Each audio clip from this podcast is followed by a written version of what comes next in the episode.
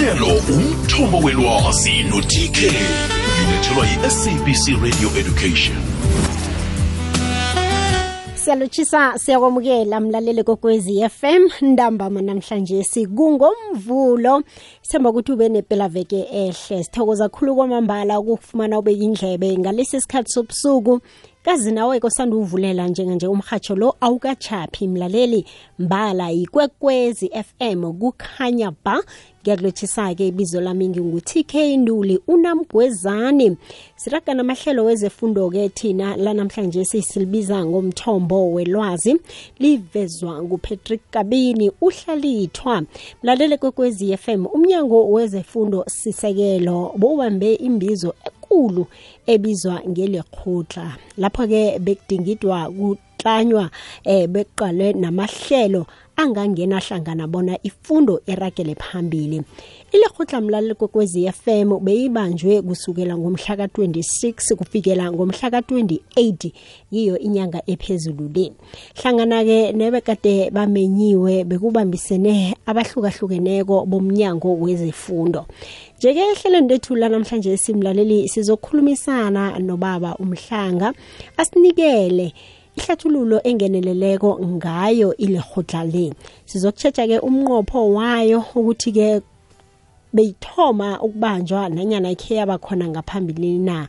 Um manje-ke sicale godi nomnqopho ukuthi-ke mhlambe ngikuphi abafuna ukukuzuza. eh emahlelweni wezefundo. Siza kuragela phambili-ke sitshetshe bona konke lokhu abakhulume ngakho mlaleli eh kufinyelele kanjani efundeni? Kukhamba bekuzokufika ngeklasini okukulapho i-curriculum isebenza khona. Hlala nathi ubeka indlebe nawe ngokuhamba kwesikhathi siza kuphi ithuba-ke ukhulumisane nathi. Ungaba nombuzo nanyana umbono endabeni esiphetheko lezimbili nje indlela othintana nathi ngazo ungasidosela umtato inomboro elulatle ithi 086 0003278 ngiyayibuyelela ithi 086 0003278 kanti-ke kodwa ungasebenzisa ne-whatsapp iphimbo mkatangiso ku-079 413 2172 baba umhlanga ngiyakwamukela ngiyakulotshisa emhashweni kwekwezi FM Ngiyakhe ngibingelele kwena nabalaleli kwekwezi FM namhlanje ebusuku ahake sithokoza khulu kwamambala bamhlanga nangala namhlanje si uthethe isikhathi sakho uzoba nathi ehlelweni lezefundo umthombo welwazi. Ebaba umhlanga iveke phelileko le benibambe ilekhotla lamalanga mathathu ungakhe usihlathululele ngayo ilekhotla le iyini? Eh ilikutla umhlangano lo siwenzayo em minyaka yonke ngoJanuary emveni kokuthi sikhiphe ama-results ka-matric eh kuye kulandele yona eh le inhlangano enkulu ngoba wonke ama-stakeholders ku-education asuka ekhona ephelele. Wonke umuntu uyamenywa abe khona futhi eh lasibona khona ama-teacher union leaders baphinde babe ngama-chairpersons yama-sessions athize. Leyo nto leyo ngisho ngoba ngifuna ukubonisa ukuthi kuye lefutla siyasebenzisana ukulisana ngezinto sikhulumisana kahle sibonisane indlela ukuthi imfundo yethu ezweni lethu le-South Africa silungisa kanjani na. So lapho nje sikhuluma ngazo zonke izinto ze-education. Mhm. Ngiyakuzwa-ke baba umhlanga uthi nibamba ngemva kokuthi kuphume imiphumela yabafundi. Ingabe mhlambe-ke eh, nathi naniza kuthoma imbizo efana nale eh, mhlambe-ke kwakubangelwa yini ingesingaki mhlambe niyibamba? Eh le esibambile edlula manje kule nsuku ezintathu ezikuzona yes 8 ebonisa ke ukuthi unyaka lona wes 8 eh so neminyaka ewu8 siyenza. Sabona kufanele ngoba uminister uhlala esho ukuthi i-education is a societal matter. Ekusho-ke ukuthi indaba yezemfundo yawo wonke umuntu. I-department iyodwa ayikwazi ukuzilungisa zonke izinto ze-education. Kufanele sizilungise ngokubambisana nabazali nama-FGB nama-teacher unions nabafundi eh siphinde futhi no nabanye abazoqeqesha abazaziyo izinto zomfundo so wonke umuntu wakhona la eSouth Africa nabanye abaphuma ngaphandle nabo baya bafike ke ukuthi sibambisane sonke. Lokho ke sikwenzela ukuthi umuntu nomuntu okhona la South Africa Mm. abe represented kuyo lembizo ngoba uma ungabuka nje nabazali baye babe khona nentsha nabo babakhona kuya ngama organizations wabo so lokho sikwenzela ukuthi ungabikho umuntu athi i-department isebenza yodwa asisebenzi sodwa sisebenzisana nawo wonke umuntu okhona yiko sithi kanye ngonyaka kufanele wonke umuntu abe khona sihlaleni phansi sikhulumisaneni yiko nje sithi asifuni be into yesuku lodwa funa kube u3 days ukuthi uma ufikile khulunyiswana ulalele ubone ukuthi sithini ucabanga izinto ubuye nayo. Ngakusasa ungenze kuma commission uma unganiswanga nalapho uphinde ubuye futhi ngo day 3 uzokhulumisana. So lokho kuyasiza kakhulu ukuthi umuntu unesikhathi sokuthi acabange aze nento enhle abonayo ukuthi izosebenza ayiletheke sizwe ukuthi ithini sikwazi ukuqhubekela phambili Mhm. Ifundo ingeyayo wonke umuntu. Yini enqophe ukukuzuza ababo umhlanga ngelehotla le uyini umnqopho wayo?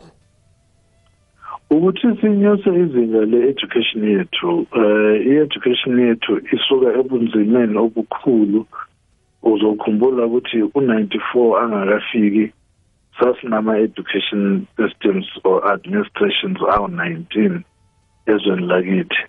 Kusukela ngo95 96 saqala ke sawuhlanganisa ukuthi siyenze i-education system eyodwa. So lo umsebenzi osidinga sonke ngoba sesihlangene silizwe elilodwa. Kufanele ke laba bebasebenza kulama administration lawa amaningi basi basinikeze i-experience yabo ukuthi izinto zazisebenza kanjani na nokuthi singayibamba siyise phambili ngayiphi indlela ngoba i-freedom le yethu esiyitholile ayikho ayikho indala eh yiko nje sithi abanye babo laba ababembe bakhona uma kuyenzwa i-South African School Act kuvunyelwana nokuthi yipi i-curriculum ezosebenza. Basekhona. So i-experience yabo iyafuneka eh nalomsebenzi abawenzayo manje uyafuneka. So wonke umuntu ubalekile so sithi asibangisaneni sonke si improve equality education system yethu. Kungabikho umuntu athi yena uvalelwe ngaphandle. So konke okwenzakalayo eh kule mbizo eh siye sikuthathe sikusebenzise uma sekufanele silungise izinto. Yazwakala babumhlanga yini mhlambe ebeke nikujeje khulu kiwo umkhakha lo wezefundo? Ya ziningi into zakhona. Yiko nje uma ubuka iprogram beyinama commissions awu 5 Mm. ngoba ziningi izinto kufanele sizibheke into yokuqala engayisho ilethwa i-transformation ye-education. Eh ngoba kufanele sibuke ukuthi i-curriculum yethu isasinikeza na lezinto besifuna ukuthi sizithole kuyona. Into yesibili lento okuthiwa i-care and support for learning and teaching. Ngoba othisha nabafundi kufanele sibasekele uma basesikoleni. Kungabi khona abantu abafikayo bazoshisa izikole kungabi khona abantu abafikayo bazobulala othisha.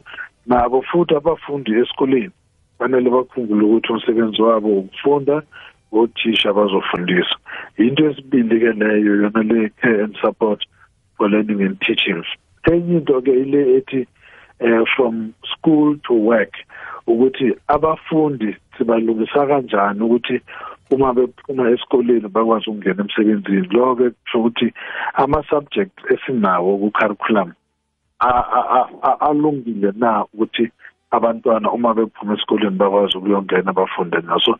Lezo babomhlanga ngizokuba ukukubamba lapho baba kwangalesi sikhathi. Khe sengentolo sokuthengisa siza kubuya. Kokwezi fm kwandebele namaphethelo 93.8 fm 90.6 fm naku-104.1 fm kukhanya ba lihlelo umthombo welwazi no-tk ulilethelwa yi-sabc radio education.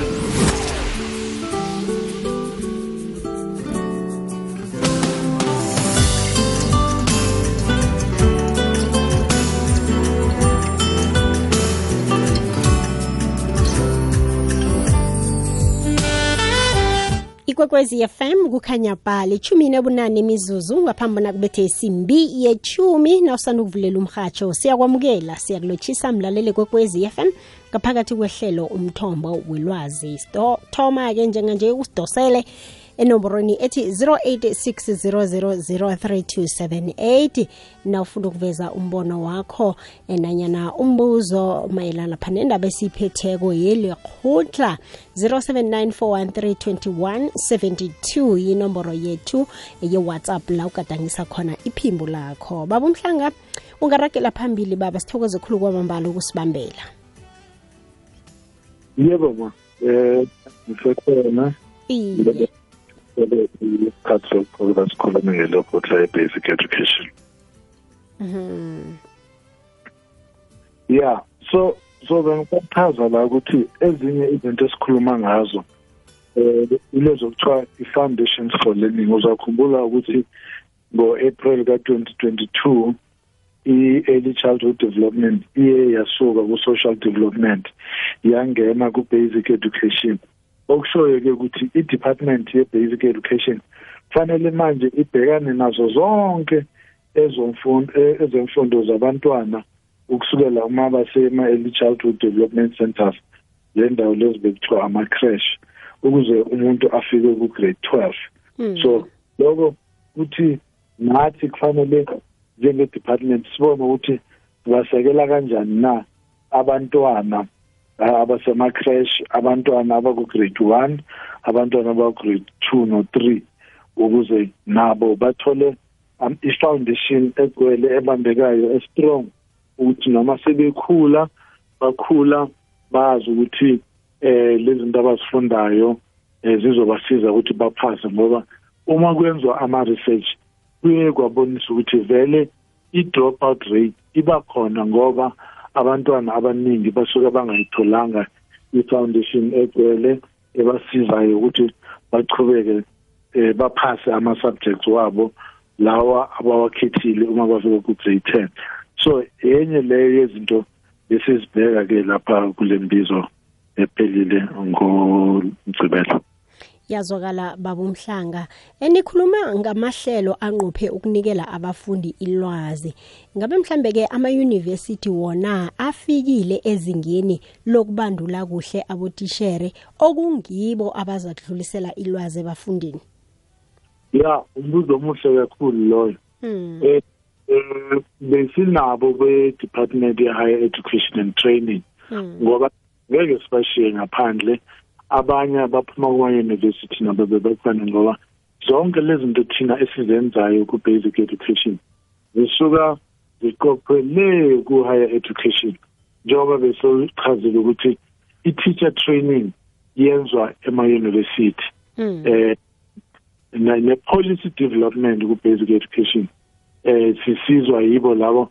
abaku-higher education ngoba yibo abanolwazi lokwenza i-research ema-university wabo uminister-ke baye bamnikeze i-advice. So kufanele nabo ngasonke- ngaso sonke isikhathi behlala bazi ukuthi um senzani baf- bahlala ba- bekhona futhi ukuze basinikeze i-advice esiyidingayo ukuthi uma siqhubekela phambili sazi ukuthi benza into e-right bayazi ngabo ngoba eh uma abantwana baphuma ku-basic education bangena ema-university labo abaphin- aba- abayofundela i-teaching bangena e-university ba- uma sebaqedile ukufunda babuye futhi ku-basic education bazosebenza. So nabo siyathanda ukuzwa ukuthi lezi zinto abazibonile ezikolweni um nalezi zinto abazifundile ema-university ziyahambisana na? Uma zingahambisani bayakwazi ukuthi baphakamisa isandla bakhulume ke basho ukuthi babona izinto sengathi zingazishintsha kanjani. Mhm. Nosho njalo ke baba umhlanga nasele mhlambe akhona amahlelo la ingabe i monitoring niyoyenza njani ukuthi konke lokhu enihlelileko kuyenzeka ngefanelo Yeah, i-department ine research unit eh public education yiyo ke eh ehambisana namsebenzisana nama provinces ukuze senze i-monitoring yiko nje insuku zonke kuba khona ama-monitoring officials abahambela izikole bayothola i-information ukuthi esikoleni kwenzeka kanjani na bazifikele bona eh bukhoma ukuze babone ukuthi kwenzakalani esikoleni. Into yokuqala leyo into yesibili eh i-department ine-system okuthiwa i-South African School Management uh, System SISMS leyo iyasiza ukuthola i-information eyenzakalayo ezikolweni nsuku zonke. Izikole ziyakwazi ukufaka eh i-information ukuthi kufika abangaki abafundi namhlanje kufika abangaki othisha namhlanje ubani angakwazanga ukufika yisiphi isizathu sakhe. Iyakwazi ukuthi leyo system nokuthi iyenze ama-reports abantwana ngoba iyakwazi ukuhlanganisa yonke information nama-profiles abantwana esikoleni. Ilethe le information ke ku basic education. So leyo information iyasiza ukuthi senze i-monitoring sibone ukuthi lezi zinto esibanikeze zona ezikoleni ukuthi basebenzise bazisebenzisa na. Iya siqashe amanye ama-research companies abayikoleni bafike babuza abantwana ukuthi le ncwadi le ubuthisha uyayifundisa noma akayifundisi. Nabo futhi othisha siyababuza ukuthi yiziphi incwadi enizisebenzisayo zithatha isikhathi esingakanani sokufundisa abantwana esikoleni? Yiziphi izinto ezihlola um abafundi esikoleni uma behluleka yiwaphi ama-support programs eniwanikeza wona? So njalo nje kuhlala kube khona i-research um kodwa kuphinde kube khona futhi amanye ama-research aziwayo kakhulu lako-teams nabo-pels nabo-satmec um into ezinjalo nje amanye enziwa o-world economic forum.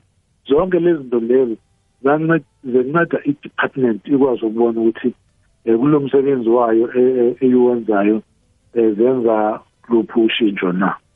Iyazwakala. Baba umhlanga njenganje ngizokuba wagodi sikhambe sogwinyamathe sele namanzi sizabuya kodwa sirakele phambili nenkulumo yethu. Ukuba semkhanyweni ukuba nelwazi. Ikwekwezi fm kukhanya ba, ba, ba, ba, ba.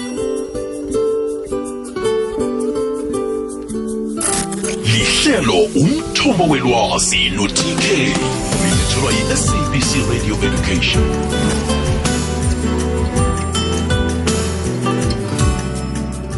Lichumi nje kwaphela imizuzu eseleko mlaleli kwekwezi FM ngaphambona kubethe isimbi yechumi nangaphambona ukuthi silisonge ihlelo lethu. Njenganje imlaleli sinikela wena ithuba ku-086 0003278 ube nombono nanyana umbuzo ngendaba esiyiphetheko namhlanje. Si la sitshetshe khona-ke eh indaba yelekhudla eh umnyango wezefundo bowubambe umhlangano omkhulu mlaleli kokwezi FM eh njengobana athwile ubaba umhlanga athi-ke kungiwehlandla lethoba obanjwa cobe eminyaka ngemva kokuthi-ke seku kuphume imiphumela yabafundi bebanga lethumi nambili.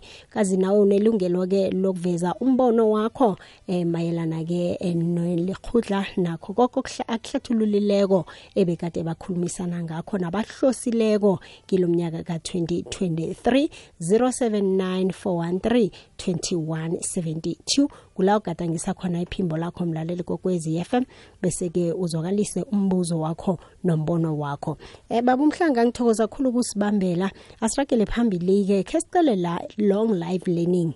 Ingabe mhlambe ubujamo bunjani ebantwaneni besola afrika? Baba umhlanga singafaka nomphakathi siyakhambisana nalokhu na? Nanyana-ke kufika lapho umphakathi indaba zokufunda ungasazingeni khona? Um indaba ye-lifelong learning mm. into ebaluleke kakhulu ngoba eh i-department ine-program le second chance matric support isho ukuthi yona funda noma seumdala uma ungakaze uyithole imatric fanele ubuye uzofunda uzokwazi ukuthi uphase uimprove ima-marks wakho uqhubekele phambili nezinto ofuna ukuzenza. Leyo nto leyo ukuthi ube ne-matric iyasiza ngoba i-lifelong learning ayikwazi ukwenzeka unawo ama-basics. Yiko sithi into kufanele ube nayo i-matric. Sithi uma uneminyaka ewu-21 ungakaze ufike ku-matric uyakwazi ukuregister ukwazi ukubhala i-matric yakho noma ungawabhali wonke ama-subject wakho kodwa ungathatha kancane kancane uzowaqede ukwazi-ke ukuthi u-aplayele i-university uqhubeke ufunde impilo yakho yonke. Labo abaphuma ku-matric sithi kubona ngenani ema-university ngenani kuma-private college kodwa uma sekungenile ungayeki isikole. Qhubeka ufunde and then ukwazi ukuthi yonke into ohlangana nayo eh ukwazi uyiphatha kahle uqhubeke nemfundo zakho. Mhm. Baba Mhlanga imfundo ayipheli. Yiko nje nabothisha sithi nakubona bayenze lento ye lifelong learning. Uma ungabheka nje i-SACE inama courses abothisha kulento okuthiwa i-continuous professional teacher development esho-ke ukuthi nabo othisha kufanele baqhubeke bafunde so kahle kahle akufanele kube khona umuntu ongafundiyo. Wonke umuntu kufanele ahlale efunde. Ngiyakuzwa. Ngiziphi intshijilo enihlangabezana nazo ngabafundi beSouth Africa khuluna siza ke ekwazini ukufunda emabangeni aphasi. Ngikhuluma nge-reading skills. Ya i-reading yiyo nje into enkulu le esiyibhekayo njenge-department ngoba uma ungakwazi ukufunda encwadi kusho ukuthi ngeke ukwazi ukubamba noma yini ofundiswa yona. So ile nto okuthiwa i-reading is a vehicle to accessing i-information so kubalulekile ukuthi umuntu nomuntu akwazi ukufunda. Yiko size nama-programs amaningi. Khona o-read to lead eh kukhona lenye ye-national reading coalition eyenzwa i-national eh education collaboration trust NECT konke lokho sikwenzela ukuthi umphakathi ukwazi ukufunda. And into yokufunda incwadi yawo wonke umuntu umdala umncane eh kufanele sonke sifunde incwadi sibone ukuthi uma abantu abadala bakwazi ukufunda bayakwazi ukuthi bazenzele izinto lezi banokucela abanye abantu abasele ngazo. Sizabona lento uma sisenza le program yokuthiwa karikude yabantu abadala adult literacy program.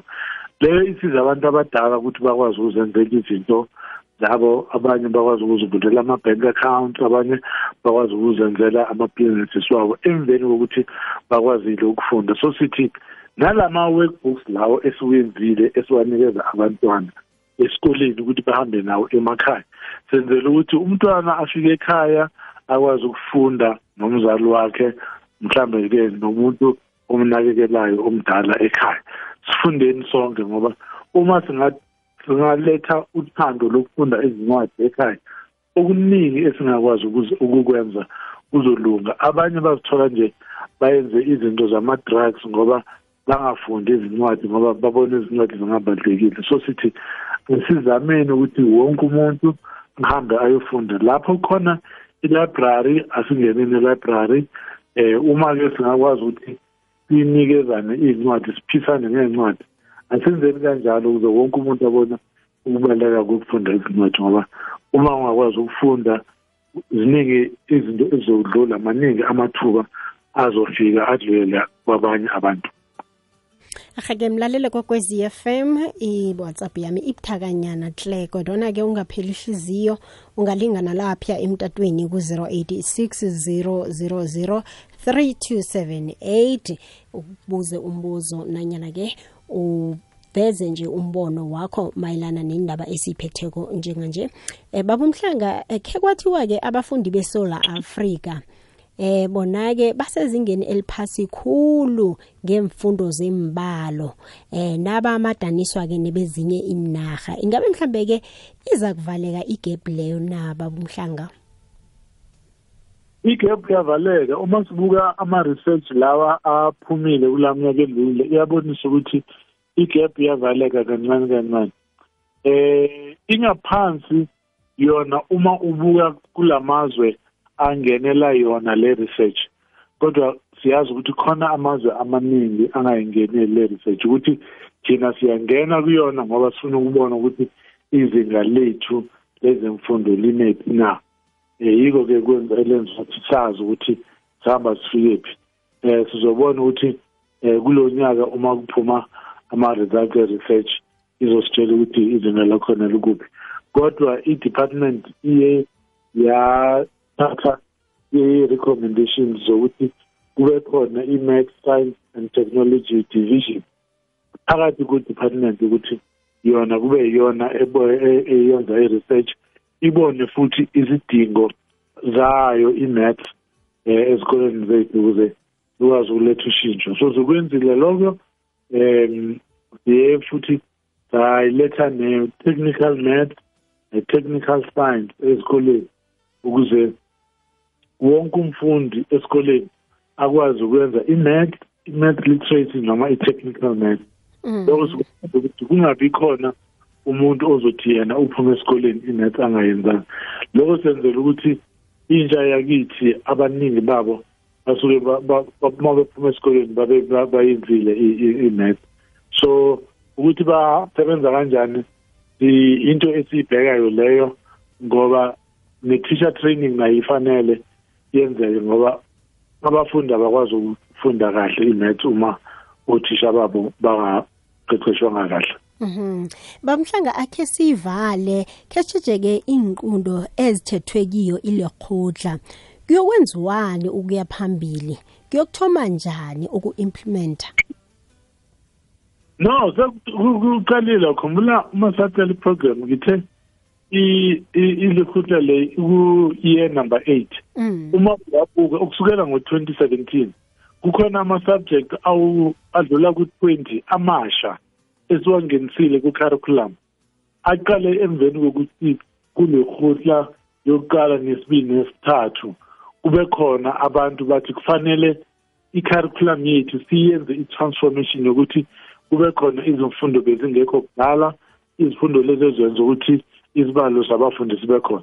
So zonke lezi zinto esikhuluma ngazo siyazenza njengoba siqedile manje ama-officials ku-department ahleli phansi ayabuka ukuthi yiwaphi ama-recommendations asuka kuma-commissions. So nje kulo nyaka ozayo eh noma ku-budget vote speech kaminister ezayo kuwo lo nyaka uzowuzwa ukuthi uminister uthini na. So yiko ngithi wonke umuntu okhulumayo kulekhutla siyamlalela yonke into esikhuluma ngayo laphana siyayithatha siphinde siyisebenzise. Kuzothi ukuthi 2024 sizoba silethe ama-subjects awu-34 kule minyaka ewu-6 edlulile ama-subject lawo bewangekho ku-curriculum yethu ekubonisayo-ke ukuthi siyasebenza yonke into esiyikhulumayo siyasebenzisa Sithokoza kakhulu baba umhlanga ehlathululo yonke osiphe yona ube nobusuku obuhle. akube njalo nakwena Ngithokoze. Mlaleli kokwezi FM besikhulumisana naye nguElijah Mhlanga okhulumela umnyango wezemfundo sisekelo eSouth Africa la kade sikhuluma khona ke ngeeducation lekhotla thembe ukuthi mlalele kokwezi FM uzwe konke ebekade asihlathululela khona ngayo ilekhotla thokoze khulu kubeka kwakho indlebe ncancabeze kuma WhatsApp voice note ezangikwazi ke ukuwathola. Ngombana ibuthakahle ukuvula iWhatsApp yami. Ngincancabeze khulu ke ngalokho mlaleli kokwezi FM ngiyakhamba ke njenganje ngizokubona kusasa ehlelweni godu lezefundo esilibiza nge-commerce and finance. Hlala ubeka indlebe emahlelweni omhasho ikwekwezi FM nangu umindlo love uragela phambili nawe nehlelo sizigedlile kuzabe kubethe isimbi yechumi nambili. Bizo lami ngingu-tk induli unamgwezani ngikhambile